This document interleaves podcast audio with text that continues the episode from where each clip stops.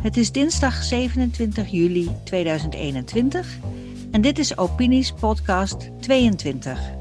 Twee bekende gasten vandaag. Jan Jacobs, ook bekend als uh, Ockham Scheermes. En Ferdinand Meus, wetenschapper, ook bekend als klimaatcriticus. We spraken elkaar al eens in uh, maart jongstleden. Welkom terug allebei. Ja, dankjewel om ons terug te vragen. Het is wel van mijn kant. Oké, het is tijd voor een update volgens mij. Hè? We moeten weer eens even bijpraten. Uh, we gaan vandaag spreken over de plannen die klimaatcommissaris Frans Timmermans voor ons heeft laten opschrijven. Met de vlotte reclametitel uh, Fit for 55. Uh, die werd op 14 juli gepresenteerd. Maar eerst, voordat we daarna gaan kijken, moeten we eerst eens even praten over de watersnood. Want die zou volgens NRC Handelsblad de klimaatverandering concreet maken. Um, maakt de watersnood klimaatverandering concreet? Watersnood, die van Noah, die zal wel concreet geweest zijn, maar diegene van nu niet. Heeft niks te maken met klimaatverandering? Nou, alles heeft te maken met klimaatverandering, maar wat zij willen zeggen is eigenlijk dat het niet te maken heeft met klimaatverandering, maar dat het de schuld van de mens is. Het is door de mens veroorzaakte klimaatverandering die al deze regen veroorzaakt. Dat is eigenlijk hun stelling. Maar die zin zeggen ze er niet bij. Ze zeggen het is de klimaatverandering. En men impliceert daar automatisch bij, het is jullie schuld, jullie zondaars, omdat jullie ah, ja. een beter leven willen. Dus de zonde, we moeten ons schuldig voelen. Zo is dat. Ja. Maar hoezo is de watersnood dan geen uh, klimaatverandering? Want er wordt steeds beweerd, uh, de extremen nemen toe. Nou, dit is typisch een extreem. Uh, inderdaad, maar dat zijn dus gewoon populistische leugens. Hè. Zelfs het IPCC, dat fameuze klimaatpanel van de Verenigde Naties, mm -hmm. waar al die superslimme duizend wetenschappers in zitten, die hebben zelfs in hun laatste assessmentrapport heel duidelijk gezegd dat er gewoon geen bewijs is dat de weerextremen zijn toegenomen. Maar blijkbaar leest niemand die rapporten en diegenen die die rapporten lezen, zwijgen. En diegenen die er iets van zeggen, uh, zoals Roger Pielke en Schellenberger en Ryan Maui, dat zijn allemaal mensen die toch wel, laten we zeggen, geen klimaatontkenners zijn. Maar ook zij zeggen, er is geen probleem met dat extreem weer. Men moet daarvan afstappen om de mensen daar constant mee om de oren te slagen, alsof er ergens een probleem is dat dat vroeger niet is voorgekomen. Dat is niet zo. Die cijfers duiden daar niet op dat er een toename is van extreem weer, maar toch blijft de pers en enkele opportunistische wetenschappers dat vertellen. En dan doet men alsof dat er geen andere mening is maar men laat gewoon die andere mening niet toe. Dat is het probleem. Er zijn heel veel wetenschappers die zeggen nee, het is niet zo, mhm. maar die krijgen geen forum in de kranten. Dat is jammerlijk, maar helaas zo. Het spreekt natuurlijk ook wel het gevoel aan. Hè? Mensen hebben het gevoel dat het steeds vaker gebeurt, omdat uh, je ziet het op tv en op de social media en noem maar op. Ja, het wordt je aangepraat, hè? daarom heb je dat gevoel. Hè? Ja. Het is niet dat de mensen dat Natuurlijk, als er een slechte zomer is, kunnen we dat allemaal vaststellen dat er een slechte zomer is. Maar er zijn een paar zeer goede zomers geweest. En toen was het ook klimaatverandering. Is het een slechte zomer, is het klimaatverandering. Regent het veel, klimaatverandering. Sneeuwt het niet, sneeuwt het wel. Altijd is het klimaatverandering. Ergens is dat natuurlijk juist, is klimaatverandering. Maar zij willen daarmee zeggen dat het onze schuld is. Alsof dat we met het menselijke CO2 dat we daar kunnen voor zorgen dat het dan niet meer regent, of dat we kunnen zeggen vandaag regent het en morgen niet. En nu willen we het zo. Maar dat is natuurlijk niet zo. De natuur doet wat de natuur doet en we hebben daar amper tot geen invloed op. Nou, dat is een mooi bruggetje naar het, uh, het plan wat uh, vorige week of op 14 juli is gepresenteerd. Het Fit for 55 van uh, Frans Timmermans en Ursula von der Leyen. Um, volgens mij, Ferdinand, heb je daar net ook een artikel over gepubliceerd op Opinies? Ja, dat klopt. Dat is vandaag uh, on, online gekomen. Ja. ja, het is nogal een plan, heb ik begrepen. Ik geloof dat alleen de samenvatting al 15 pagina's beslaat. Dus ik weet niet hoe dik het hele plan is. Heb jij het helemaal gelezen? Ik heb het helemaal gelezen, maar ik heb hoofdpijn gekregen van al de leugens en de populistische verdraaiingen. Het is pure misleiding en het is gewoon technisch niet haalbaar. Oei, dat is een vernietigend oordeel, hoor ik al. Ja, als wetenschappers moet ik als enige toch een beetje de dingen wit-zwart uh, zeggen.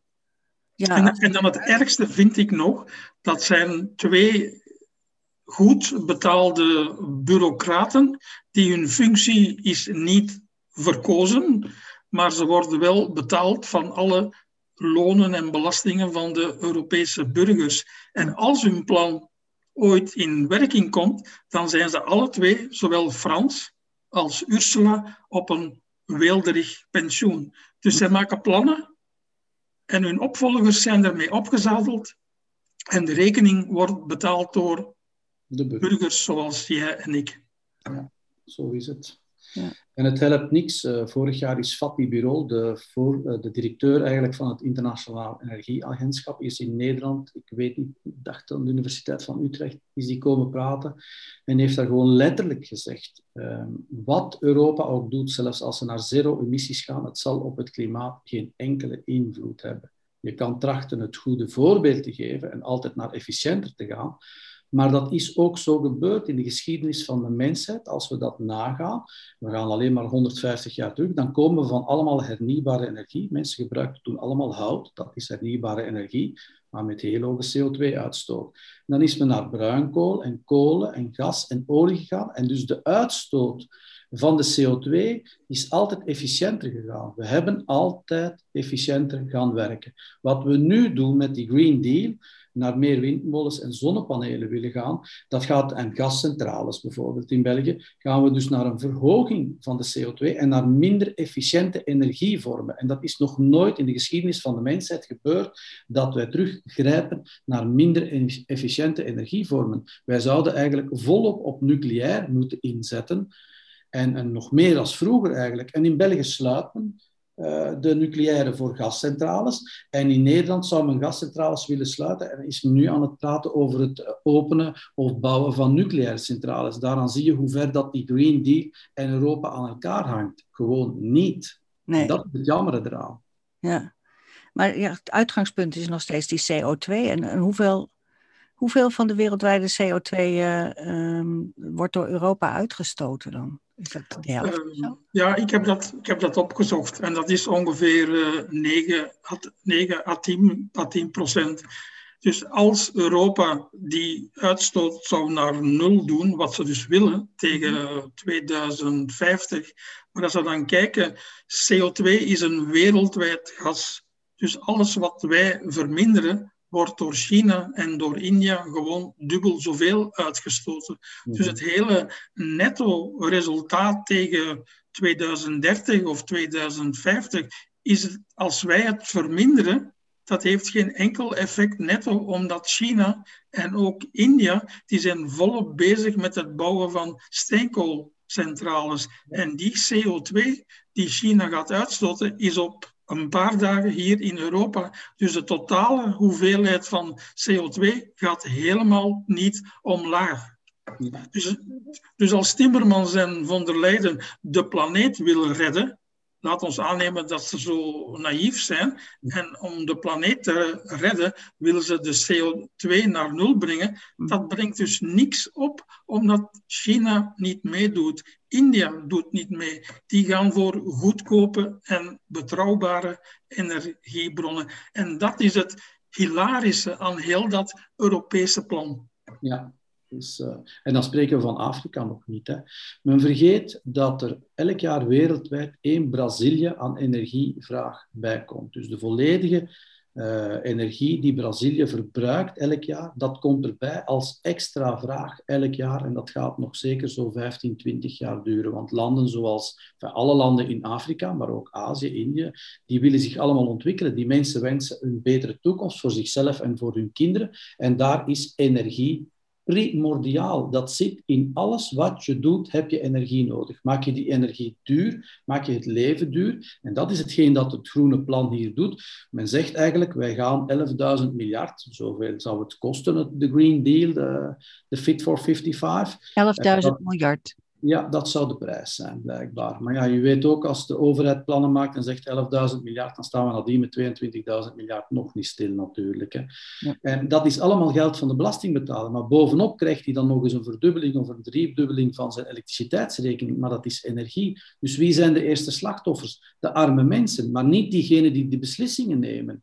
Diegenen die de beslissingen nemen, hebben zeer comfortabele hoge lonen van 20, 30, 40.000 euro elke maand netto, betalen 10% belastingen en die gaan opleggen aan de brave schapen, burgers, van te zeggen, dit gaan jullie doen en wij doen dat om de planeet en de wereld te redden. Maar dit is gewoon pure onzin en waanzin. Ik vraag me gewoon af, wanneer gaat de bevolking wakker worden? Wanneer gaan ze nu zeggen, genoeg is genoeg? Jullie gaan de planeet niet redden, jullie gaan het klimaat niet redden, maar jullie zijn onze economie en onze welvaart en onze toekomst voor onze kinderen en kleinkinderen aan het vernietigen. Dat kan toch niet de bedoeling zijn?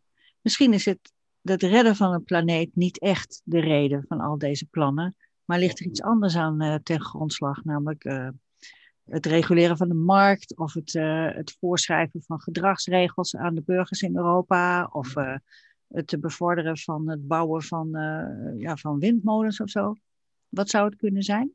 Voor, voor mij is het het feit dat de politiek geen antwoorden meer kan geven op wat de mensen vragen. En dan zoeken ze zaken zoals klimaat of mhm. corona, om af te leiden van de dagdagelijkse problemen waar de politiek geen antwoord meer kan op geven of waar ze geen oplossing meer voor nodig hebben, zoals migratieproblemen, economische problemen, uh, sociale problemen. Al die zaken die er wel zijn, die ertoe doen, die worden niet aangepakt. We hebben dat in België nu, om een kleine zijsprong te maken. Men mhm. gaat in België super streng zijn op verkeersovertredingen, dus de mensen die elke dag gaan werken, gaan veel meer boetes betalen dan dat ze nu al betalen. Maar die mensen gaan in opstand komen die gaan zeggen, wat nut heeft dat als u mij gaat beboeten, maar de verkrachters krijgen een werkstrafje? Want dan voelen ze onrecht. En dat is hetgeen wat er nu gebeurt met dat klimaat. Dat is zoiets ver van mijn bed. En men kan dan zeggen, ja, ik ga het klimaat oplossen, ik ga dat redden. Maar er is niks te redden. Er is geen oplossing voor. Wij kunnen dat niet als mensen. En ons daar dan voor betalen, dat, dat is gewoon schandelijk. En voor mij is het terug communisme 2.0, revisited. Ik kan het niet anders noemen. Ja, toch staan er een aantal eh, voorstellen in die, die toch wel tot de verbeelding spreken misschien. Uh, bijvoorbeeld het rijden met elektrische auto's. Dat geeft de mensen het gevoel dat ze iets doen aan fossiele brandstoffen. Het zijn gevoelskwesties, hè? Maar, maar het is een verkeerd uh, idee om te denken dat elektrische wagens ervoor gaan zorgen dat er minder fossiel verbruik gaat zijn. Hè? Mm. Als wij gascentrales zetten in België om elektrische auto's aan de stekker te leggen, ja, dan zijn ze nog altijd fossiel aangedreven, uiteraard. Hè. dat, en voor het milieu misschien?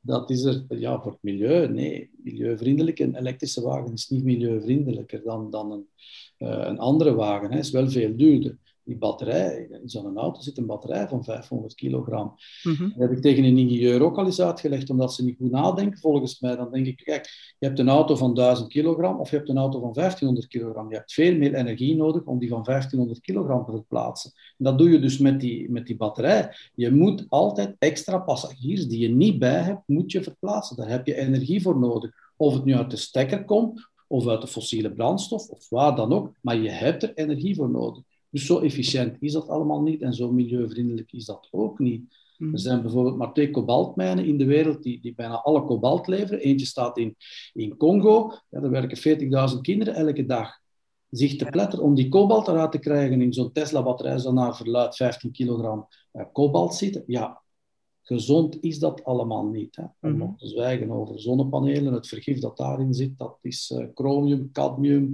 lood, dat is uh, één gifbak. Hè. En dat is geen halveringstijd op, zoals bij nucleaire. Dat blijft voor eeuwig in het milieu zitten. Hè? Ja, dus het is niet goed voor de planeet. Het is niet goed voor, uh, ja, voor de atmosfeer. Ook niet voor het milieu. Is er überhaupt nog iets goeds aan dit plan? Misschien weet Ferdinand nog wat te bedenken. iets goed aan het plan. Eh, ik hoop dat de mensen met een schok gaan wakker worden. Maar helaas, het wordt in de meeste kranten opgehemeld als de redding van de planeet. En zoals u zegt, de mensen denken dat ze daaraan meehelpen als ze elektrische wagens gaan rijden en zo. Mhm. Maar de meeste mensen, ja, die hebben geen tijd om al die vakkennis op te doen. En er zijn veel te weinig wetenschappers die de tijd nemen om de juiste kennis over te doen. Maar ik hoop echt wel dat de mensen gaan beseffen dat ze geen normale auto meer mogen kopen van die groene dwazerikken. Want in dat plan staat letterlijk vanaf 2000 30 zeker, of 2035, zijn dieselwagens en benzinewagens niet meer toegelaten. Dus dan moet iedereen een elektrische wagen gaan kopen. Maar zoals Jan reeds zei, de energie die uit het stopcontact komt als je je batterij gaat opladen, wordt door meestal fossiele brandstoffen opgewekt. Ik geloof in Nederland is de totale energie die uit een stopcontact komt, dat is maar 4 of 5 procent van zon en wind. Al de, al de rest is fossiel. En jullie zitten dan nog met een van de grootste leugens in, in Europa. Twee derde van de groene, zogezegd groene hernieuwbare energie in Nederland mm. is van die fameuze biomassa, wat eigenlijk een eufemisme is voor houtstook. En die Timmermans verkoopt dat nog steeds in zijn speech als een schone, groene, hernieuwbare energie. Dus daar staat die man dus echt te liegen. Ofwel is hij dom en weet hij dat niet, maar ik denk dat hij bewust aan het liegen is. En twee derde van jullie groene energie is dus die zogenoemde biomassa met houtstook. En zoals Jan zegt, de uitstoot van CO2 van houtstook is groter dan van kolen. Maar wat heeft die Timmermans en zijn bureaucraten met Ursula erop gevonden? Die uitstoot moet Nederland niet rapporteren. Dat is gewoon een boekhoudkundige afspraak. Dus ik zeg, dat zijn eigenlijk liegende misdadigers tegen het klimaat. Het kan niet zijn dat ze CO2 belangrijk vinden als klimaatprobleem, want ze zorgen ervoor dat de CO2 uitstoot toeneemt. Dat vind ik er zo waanzinnig aan. Als wij onze Belgische minister Tine van der Straat bezig horen en de Groenen, dan doen ze alsof we dat nu moeten doen, die gascentrales, omdat er later iets gaat komen uh, van hernieuwbare energie, een revolutie blijkbaar, maar niemand weet welke. Die zal er ook niet komen. Er zullen geen betere windmolens komen die draaien zonder wind en er zullen wel meer. komen. Ik ja, heb begrepen dat ook veel meer van die windmolens moeten komen. Staat dat ook in plan, toch? Absoluut. Op de Noordzee gaat men volbouwen. Ja. ja dat gaat men volbouwen. En, en dan heb je natuurlijk de grote strijd die er aankomt. Hè, want de Fransen willen die dan zetten dicht bij de kust. En dan staat dat tegen de Belgische kust. En dan is dat slecht voor de Belgische badsteden. En dan gaan die in verzet. En zo zie je dat die Europese eenheid verre uh, van ideaal is. Nu, dat plan van uh, Timmermans. Het is wel best mogelijk dat er ook wat uh, voormalige Oost-Europese landen, zoals Polen en Hongarije, zich gaan verzetten tegen die plannen. En dan zie ik het er allemaal nog niet komen. Hè. Het is nog maar plannen. Maar de goedkeuringen daarvan, het implementeren daarvan, dat moet ik toch allemaal nog eens zien. Hè. In 2035 geen enkele uh, fossiel aangedreven wagen die nog nieuw mag verkocht worden. Gaan wij dan binnenkort, binnen 30 of 40 jaar, gaan we hier dan zitten zoals in Cuba, waar ze ook nog met auto's van 50 en 60 jaar geleden rondrijden. Gaan wij dat mm. dan ook hebben binnen 50, 60 jaar in Europa? Het zou zomaar kunnen, want dit is communisme dat we nu aan het doen is. Het heeft met vrije markt niks te maken, want vrije markt zou er sowieso voor zorgen dat er veel efficiëntere energie en veel goedkopere energie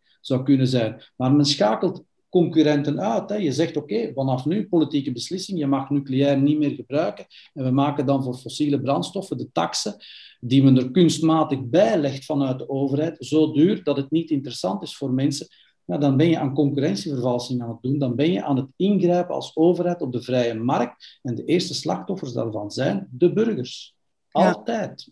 Maar er wordt dus in, in september gaan ze overleggen uh, over dit plan uh, met de lidstaten. En dat zijn natuurlijk de, de regeringsleiders. Of de, het Europees Parlement misschien ook. Ik weet niet precies waar het allemaal aan de orde zal komen. Dat zijn niet de burgers die daarover gaan beslissen.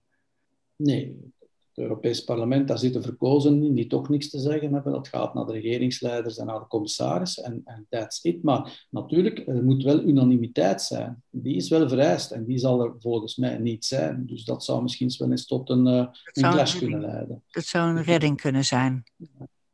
Ja. Dat zou kunnen, ja. Want Polen, wil, Polen wil nucleaire centrales gaan bouwen. Die zitten nu met enorm veel steenkoolcentrales. Die willen nucleair gaan.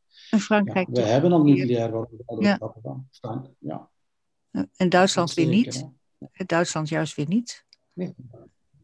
Finland zou het wel doen. Daar zijn de groenen overstag gegaan al enkele jaren geleden en zijn ze pro-nucleair geworden. Dus eh, er is nog hoop, ik zal het zo zeggen. Ja. Het grootste probleem volgens mij dat we nu hebben, is dat er een, een strijd aan de gang is van kleine ideeën en dat er geen eensgezindheid is bij de mensen die wel pro-nucleair zijn en pro-vooruitgang en pro-moderne landbouw. Men spreekt daar over de ecomodernisten, maar die zien ook nog altijd de mens als het ultieme kwaad naar de natuur toe. En daar botsen ze dan met mensen zoals, uh, zoals ikzelf en zoals Ferdinand en zoals vele anderen, die ook wel nucleair en moderne landbouw en vooruitgang en economische ontwikkeling willen, maar wij zien niet de mens als het ultieme kwaad die zich uit de natuur moet terugtrekken. En, en die mensen, die ecomodernisten hier in de lage landen, die daar wel voor staan, dat zijn er helemaal anders dan diegenen zoals een Michael Schellenberger of een Pielke, die de grondleggers zijn van het ecomodernisme en die de sceptici wel al omarmd hebben en ons niet als klimaatontkenners wegzetten. En die rijpheid, die moeten wij hier nog krijgen. En ik hoop daar stellig op dat dat ooit eens zal gebeuren. Ja, Jorien, ik denk uh, ik ben eigenlijk heel optimistisch. Uh, zoals u zegt, die plannen, dat zijn nog altijd plannen. Die liggen nu ergens op een bureau bij ambtenaren die dat dan moeten lezen. En uiteindelijk zijn het de regeringsleiders van uh, Duitsland, Frankrijk, Italië en Hongarije en Polen. Die mensen kijken naar de volgende verkiezingen in vier, vijf jaar. En iemand van hun specialisten zal hun toch een keer uitrekenen wat dat allemaal gaat kosten. En zij beseffen ook wel, als dat inderdaad zoveel gaat kosten, zoals wij nu zeggen, en dat zal zo, zal zo zijn, zij weten ook wel dat zij dan niet worden herkozen als het nog eens in vier jaar verkiezingen zijn. Dus ik denk ook realistisch, pragmatisch gezien, die plannen zijn zo duur en zo waanzinnig en technisch niet te doen dat die er niet uh, doorkomen. Er zal heel veel worden gekeken naar wie gaat dat betalen. Mhm. En natuurlijk, de Oost-Europese landen zullen zeggen van wij hebben hier goed functionerende steenkoolcentrales, als wij die moeten sluiten, dan hebben wij geld nodig. Hè? Dus als het over geld gaat, denk ik niet dat die plannen zoals ze nu zijn, er ooit gaat doorkomen. Het Europees Parlement, daar heb ik geen hoop op. Daar zitten gewoon tweede, derde rangs figuren die gewoon hun maandelijks salaris uh, opstrijken. Mhm. Het verzet gaat komen van landen zoals Hongarije, Polen en Frankrijk en Italië. Omdat die plannen waanzinnig duur zijn. Tsjechië ook wel, denk ik. Tsjechië en België? Nee, oh, nee, nee, nee. Kijk, in België is men het gewoon van geld dat men niet heeft uit te geven aan zaken die niet werken voor problemen die er niet zijn. En dat is wat men nu doet met het klimaat van Timmermans ook. Hè. Ze hebben geen geld, er is enorm veel schuld. Uh, corona heeft nog voor duizenden miljarden extra schuld gezorgd. Dat is allemaal met als borgstelling de burgers, hè? want er staat niemand anders niet borg voor al die schulden die de overheden maken en de politiek. Dus men gaat geld dat men niet heeft lenen en uitgeven naar zaken die totaal niet werken en geen nut hebben op het klimaat, nog op de economie, nog op de welvaart. En, en voor een probleem dat er niet is, want we kunnen het klimaat niet regelen. En dat zullen mensen op den duur wel gaan inzien. En dan is dat verhaal gedaan. Kijk, in 1992 moeten mensen gewoon even kijken naar Rio en Severn Suzuki intikken. Dan zien ze terug een jong meisje staan van 14 jaar die daar staat te vertellen. En dan kan u die speech naast die van Greta Thunberg leggen, nu eh, 30 jaar later. En dan is dat exact dezelfde speech. De mensen van vorige generaties hadden de planeet pijn gedaan en het ging allemaal kapot en het ging slecht gaan en er was geen toekomst meer, bla bla bla. Dezelfde doemverhalen als wat Greta Thunberg nu vertelt. En Seven Suzuki, haar papa, is daar miljonair mee geworden. En Greta Thunberg, haar ouders, wordt daar ook miljonair mee. Meer is dat niet. En we moeten dat ook zo durven zeggen. Dit is niet realistisch om te denken dat menselijk CO2 het klimaat gaat beïnvloeden. Dit Mhm. is pure onzin. Ja. Ja, en het zou zo kunnen zijn dat dit plan uiteindelijk zorgt voor het ineenstorten van de, van de euro misschien. En van de eurozone En de eurozone, ja, wie weet.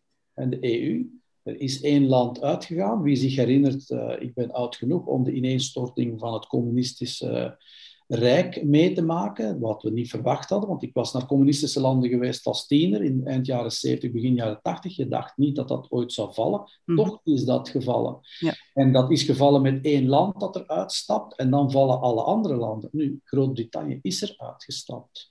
Dus het zou wel eens kunnen dat er andere landen zich geroepen voelen op de duur om te zeggen, oh, hier stopt het voor ons, Europa heeft absoluut geen meerwaarde, wij zijn ermee weg.